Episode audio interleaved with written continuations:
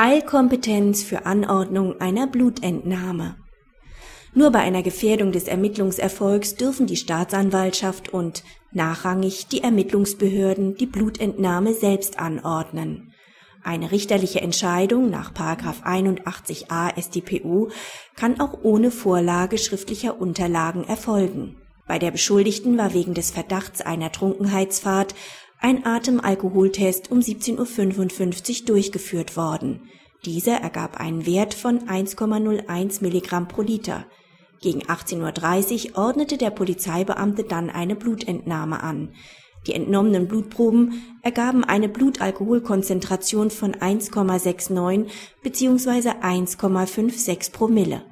Gegen den vom Amtsgericht erlassenen Beschluss die Fahrerlaubnis nach 111 a StPO vorläufig zu entziehen, legte die Verteidigung Beschwerde ein. Die Beschwerdekammer des Landgerichts verwarf diese als unbegründet.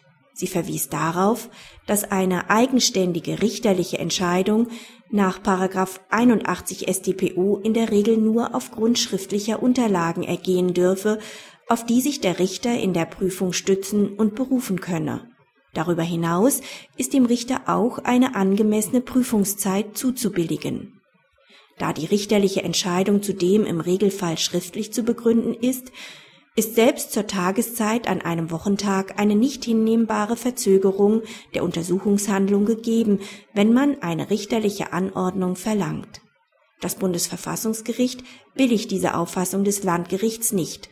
Es verweist darauf, dass der Richtervorbehalt des Paragraphen 81a Absatz 2 StPO auf eine vorbeugende Kontrolle der konkreten strafprozessualen Maßnahme durch eine unabhängige und neutrale Instanz abziele. Die Ermittlungsbehörden müssen daher zunächst regelmäßig versuchen, eine Anordnung des zuständigen Richters zu erlangen, bevor sie selbst eine Blutentnahme anordnen nur bei Gefährdung des Untersuchungserfolgs durch die mit der Einholung einer richterlichen Entscheidung einhergehende Verzögerung besteht eine Gefahrenlage, die die Anordnungskompetenz der Staatsanwaltschaft und nachrangig ihrer Ermittlungspersonen begründet. Die Gefahrenlage muss jedoch mit auf den Einzelfall bezogenen Tatsachen begründet werden, die in den Ermittlungsakten zu dokumentieren sind, sofern die Dringlichkeit nicht evident ist die Argumentation des Landgerichts, wonach richterliche Eilentscheidungen generell nur nach Vorlage schriftlicher Untersuchungen getroffen werden könnten, verwirft das Bundesverfassungsgericht. Es verweist darauf, dass mit dieser Argumentation der Richtervorbehalt des Paragraphen 81a Absatz 2 StPO bedeutungslos wird. Ferner moniert es, dass sowohl das Amtsgericht wie auch das Landgericht nicht thematisiert haben, ob die Ermittlungsbehörden sich zunächst um eine richterliche Entscheidung und nachrangig um eine staatsanwaltschaftliche Weisung hätten bemühen müssen. Entsprechende Versuche der Ermittlungsbehörden sind nicht dokumentiert worden. Von einer Evidenz der Gefährdungslage und damit der Entbehrlichkeit der entsprechenden Dokumentation kann in Anbetracht des zur Verfügung stehenden Zeitrahmens und des ermittelten Atemalkoholwerts, der nicht in der Nähe eines Grenzwerts lag, nicht ausgegangen werden. Praxishinweis.